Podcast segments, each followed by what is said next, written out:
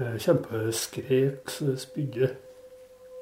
Vi våkner opp med at noen roper 'hjelp, hjelp'. Brann, brann, brann. Hjelp, hjelp oss.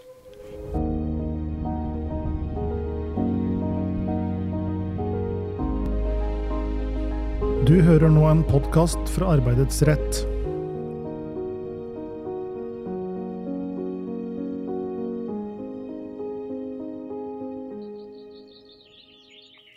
Det er mai i 1974, og sammen med storfamilien bor 14 år gamle Arnfinn Grøtedal på en gård oppe i lia i Hessdalen.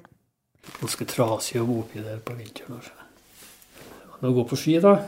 Vi hadde en traktor der for vi kjørte noen ganger og brøyta litt. Det var altfor mye snø, men jeg var jo ikke så gammel, jeg altså. Faren hans, Hilmar, var mye borte, så Arnfinn hjalp til med det han kunne. Liksom ta over det han skulle gjøre hjemme. Han gjorde en del ulovlige Kjørte og traktor. Jeg vet ikke gammel, jeg måtte reise meg opp og noe på pedalene. Du måtte ha og tyra. Vi møter Arnfinn for å snakke om en tragedie som ramma familien hans for snart 50 år siden. Det var natt til mandag 13. mai i 1974, og hele familien var samla. Til sammen var de ti personer som bodde i huset. Arnfinn og hans tre søsken, Mai på 16 år, Roar på 12 år og tre år gamle Laila, deres foreldre, Hilmar og Angerd, Angerds foreldre, Anders og Kristine, og to av Angerds onkler, Ludvig og Anders. En yngre og en eldre generasjon. Landet vant og ta hensyn til andre og hverandre og sånt. Det var nå bare sånn før i tida. Det var mange på gården da. Det var ikke noe eget soverom helt alle. Så det var sånn. Snart skal livet deres forandre seg brutalt. I løpet av natta skal de miste fire av de eldste familiemedlemmene. Sjøl om det er 50 år siden, husker Arnfinn at han denne natta har lagt seg i første etasje i stedet for på soverommet i andre. Så våkner han opp av en dur. Det er kjempegodt, for jeg, det er kjempegodt og godt. Men det, det ble så bråk ute, for jeg lå nedenunder for jeg i Haltdalen til om kvelden, og så følte jeg meg ikke helt uh, pigg, og så la jeg meg der i stedet å gå på soverommet. Så hørte jeg at det ble uh, mye bråk og sånt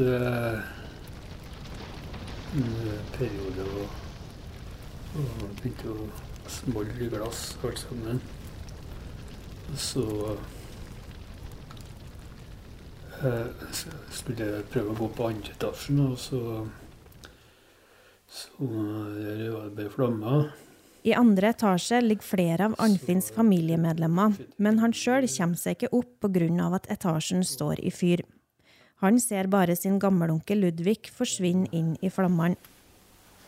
Han som lå under fiklinnskapene, på fikk du den på soverommet på andre soverommet, så så jeg at den gikk der, og klærne brant og alt. Nattklær hele tida, vet du.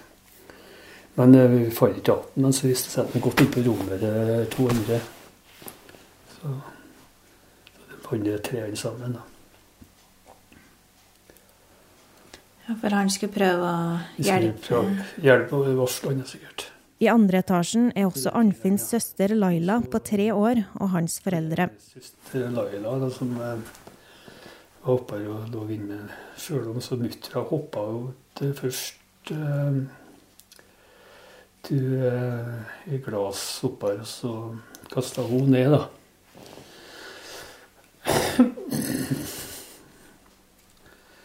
Så mutter'n tok imot henne, så hoppa fatter'n etter. Ute prøver de det de kan for å redde de fire som fortsatt er igjen i huset. Arnfinns besteforeldre og to gammelonkler. Jeg holdt i et vindu Hun holdt i stigen til far min og skulle prøve å komme inn til foreldra til mutter'n.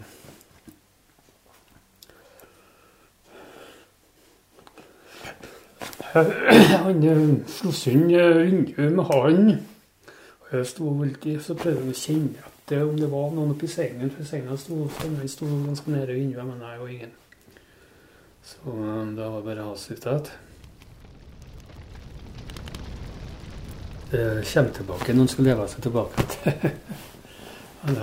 sånne Syns du det er vanskelig å prate om? Nei, det er egentlig ikke det. Men du får litt reaksjoner når du begynner å prate. Så det er ikke noe problem. Det kommer seg etter. Så det er ikke noe man ikke bry seg om.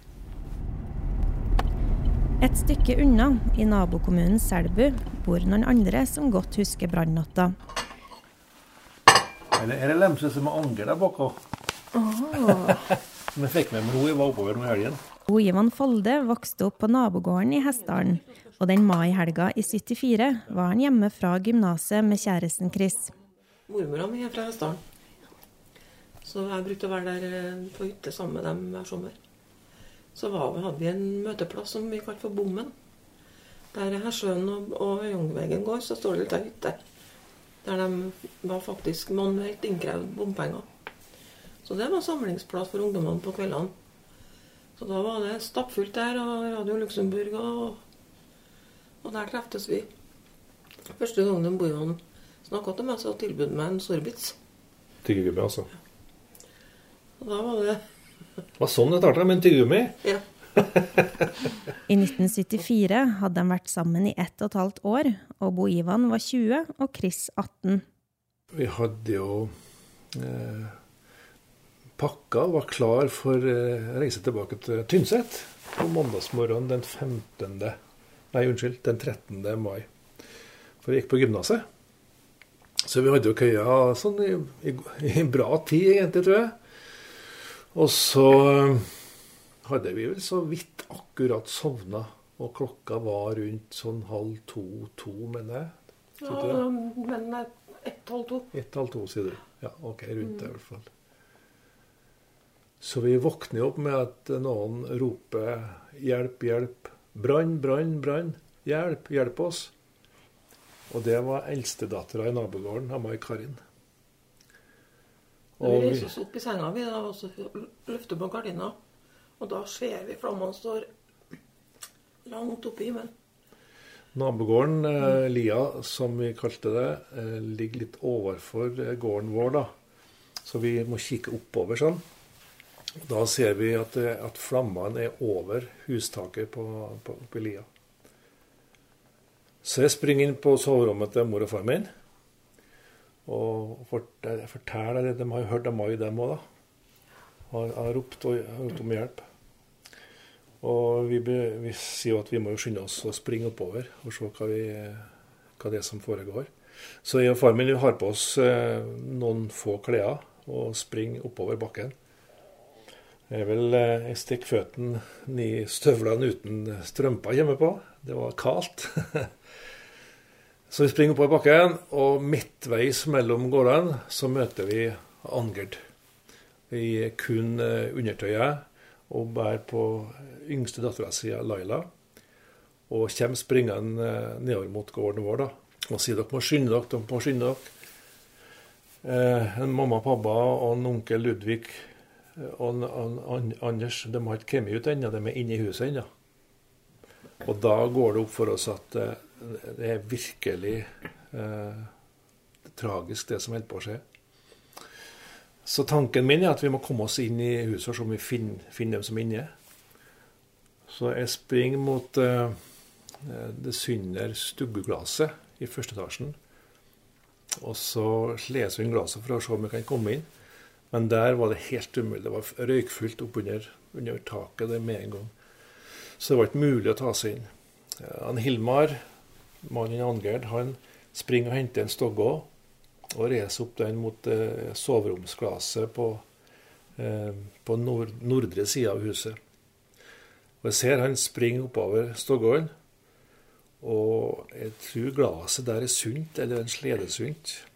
Og så er han inn med, med handa for å få kjenne på puta, for der ligger det en av dem som er atte inne. Og jeg ser han er for, fortvilt og famler etter for å få tak i folk. Men så begynner det å bli så mye røyk at han må gi seg. Og kommer det Stoggården Han er bare i underklær, han òg. Uten støvler eller uten sko. Og fortvilelsen er stor til oss alle. Vi skjønner at de fire som er atte inne i huset, vi ser at vi ikke klarer å komme oss inn for å berge dem. Men en Hilmar er ute. Amoy er ute, en Roar er ute, en Arnfinn er ute, og Laila ble med mor sin ned til, ned til oss. Så den yngre familien, eh, de har kommet seg ut alle da. Så den eldre delen av bosettingen som er atte inne i, i huset, som er i ferd med å virkelig ta fyr. Og mens vi står på en måte og aner ikke hva vi skal til med, ikke har vi noe vann, ikke har vi noe, noe slange, ingenting. Og mens vi står og ser det, så, så fer det gnister over fra huset over borti, borti lemmen. Og det tar jo bare kort tid altså før høyen på der eh, tar, tar fyr. Og så sier min at nå, å, vi må skynde oss og slippe ut uh, kyrne fra fjøset. Og da er Raknesen Hilmar med òg, uh, men han har ikke noe på føttene. Og du må låne med støvlene dine, sier han. Jeg må inn i fjøset. Så da blir jo jeg uten, uten sko. så det er, det er kaotisk. Uh, vi er redde. vi er, vi er fortvila. Uh, og mens vi alle springer inn i fjøset, løser ut hesten det første, det første vi gjør. Slipper ut hesten. Og så går vi inn og begynner å løse ut kyen. Og skyver dem ut gjennom skjælet. Men de vil ikke ut, vet du. De vil ikke ut. Og, og det, vi må virkelig trekke på dem og skyve på dem, og de vil inn igjen. Inn i fjøset. Men eh, vi klarer å få ut alle sammen, og når siste kua fer ut, da freser det bak hælene våre av gnister og, og brann. Og da er hele fjøset i full fyr. Så da står både fjøset og stuggu eh, og, og brenner. Etter å ha fått dyra inn i et sommerfjøs lenger ned i bygda, kommer Arnfinn tilbake til hjemmet sitt som står i brann. Satt den utover det da.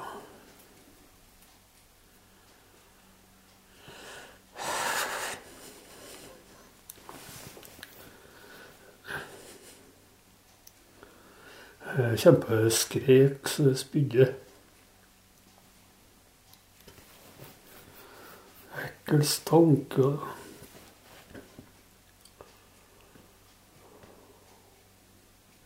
Jeg vet du, det, det lukta jo jævlig oppå tak. Jeg vet ikke. På nabogården hadde Chris og Bo Ivans mor blitt igjen for å ta imot dem som kom seg ut fra brannen. For da er Angerd og Laila kommet dit? Ja. Og så kom en uh, Arnfinn og Roar etter hvert sammen med dere. Roar kom først. Han var jo litt mindre. Og så kom jo legen. Han, en kjempe, han gjorde en kjempeinnsats med folk. Han var Roar sjøl og veldig behagelig mann. Så de eh, Det ble jo kokt kaffe, da. Og det ble jo styra med for å finne plass for å legge dem ned, eventuelt for å snakke. Det var, det var kaos. Det var det en stund. Men uh, Petra, mora til Bojan, da, hun uh, så, var så organisert, og alt liksom bare var Det ble tatt hånd om på best mulig måte, men hun var jo veldig oppi det. Oppskaka var vi alle sammen. Og det var Jeg klarer nesten ikke å snakke om det, for det var det var angert med Laila.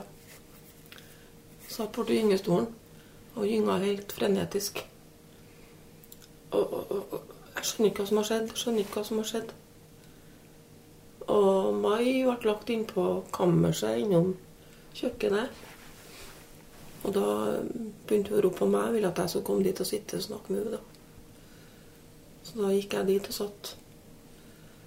Og da var det jo mye som skjedde. Da kom jo politiet etter hvert. Lensmannen. Martin Holden. Mm. Han var like oppskaka som alle oss andre. Og det gikk jo opp for oss hva slags tragedie som, som hadde utspant seg da, oppe i nabogården.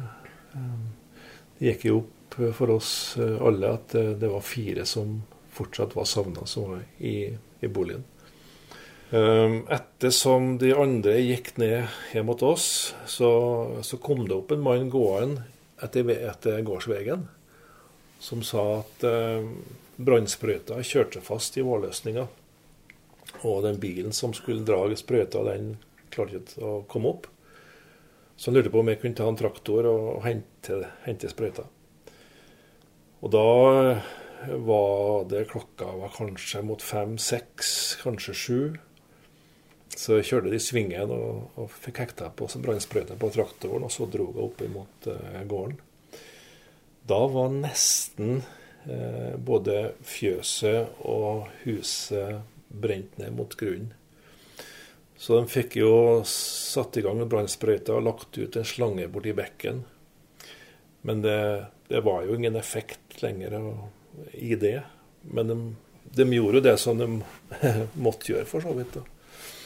Um, så jeg sto jo og så på det der, og, og um, Ja, vi det, det, var rett og slett en sånn uhyggestemning som jeg kanskje aldri har verken opplevd før eller siden, selvfølgelig. Dere var jo sjokk? Ja, det, vi var jo helt sjokkert. Vi skjønte jo ingenting om hvordan vi skulle, skulle til. da. Um, hverdagslivet som vi er vant til oppe i lille grenda vår, den var jo fullstendig røkka opp med rota. Vi visste jo ikke hvordan ting kom til å, å, bli noe mer. Og selvfølgelig forferdelig for dem det hadde ramma mest. Angren Hilmar og ungene deres. Hva skulle ikke Arnfinn konfirmeres? Eh, jo, det tror jeg. Ja. Det ja, stemmer. Skal konfirmeres i juni? Ja. Mista jo alt, da. Eh, nettopp har jeg fått konfirmasjonsklær for jeg skulle konfirmeres 14 eh, år etter det skjedde. Men jeg kommer ikke helt på hvordan det var. Jeg vet ikke om jeg ble konfirmert. Arnfinn husker ikke hvilke klær han ble konfirmert i, men konfirmasjonsklær som brant opp, husker han. Ja, jeg tror det var blå eller grønn jakke, dressjakke og motsatt farge på buksa. Skulle være så mye farger, da, platesko og sånt. Ja. Det var den tida der. Du har hørt den første av tre deler om dødsbrannen i Hessdalen fra Arbeidets rett i neste episode. Det gikk uh, mange år etterpå at jeg kunne våkne opp og kjenne røyklukta. Jeg hadde mareritt eh, lang tid etterpå. Og en skyldfølelsen min til kunne det, men det, men jeg ikke, det var ikke det så kypros, men jeg gikk inn, så begynte jeg fikk noe spiseforstyrrelse. Altså. Programleder og produsent Marit Langseth. Research Guril Bergersen. Og ansvarlig redaktør Guri Hjortveit.